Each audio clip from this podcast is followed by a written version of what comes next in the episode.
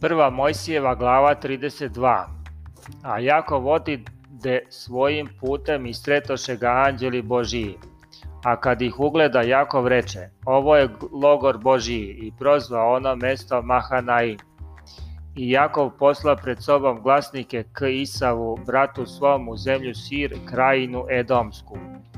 I zapovedi im govoreći, ovako kažite gospodaru mom Isavu, Sluga tvoj Jakov ovako kaže, bio sam došljak kod Lavana i bavio se do sad.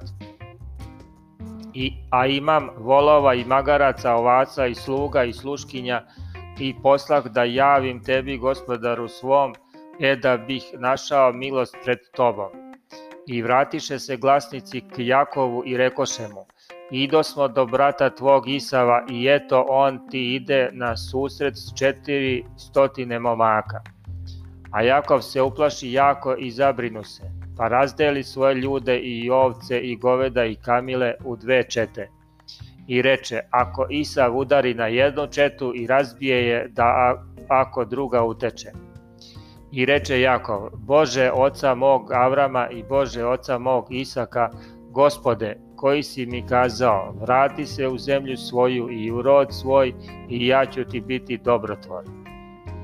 Nisam vredan tolike milosti i tolike vere što si učinio sluzi svom, jer samo sa štapom svojim pređoh preko Jordana, a sada sam gospodar od dve čete.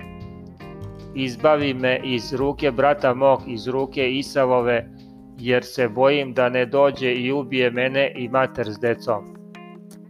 A ti si kazao, zaista ja ću ti biti dobrotvor i učinit ću seme tvoje da bude kao peska morskog koji se ne može izbrojati od množine. I zanoći onde onu noć i uze šta da mu dođe do ruke da pošalje na dar Isavu bratu svom.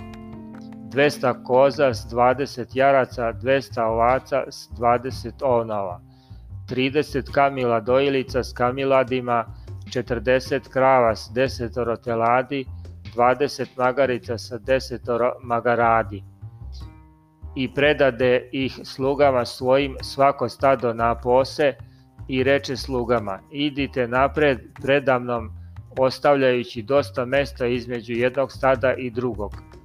I zapovedi prvom govoreći, kad sretneš Isava brata mog, pa te zapita čiji si i kuda ideš, i čija je to što goniš pred sobom.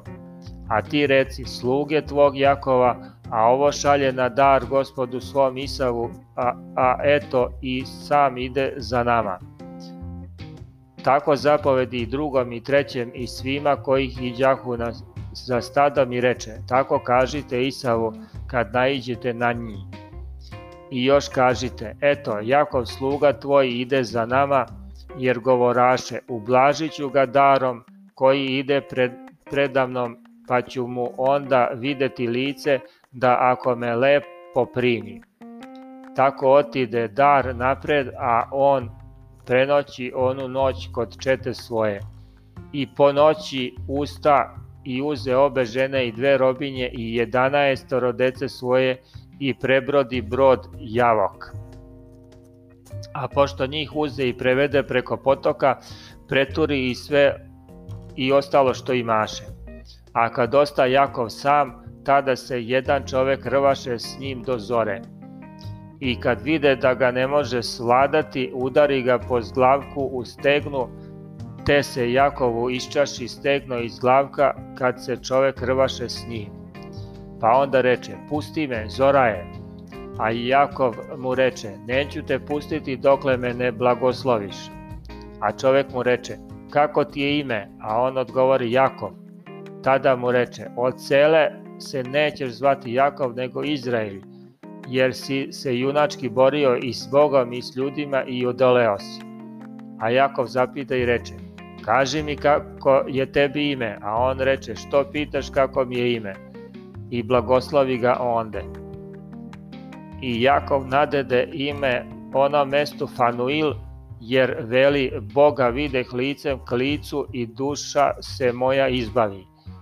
I sunce mu se rodi kad prođe Fanuil i hramaše na stegno svoje.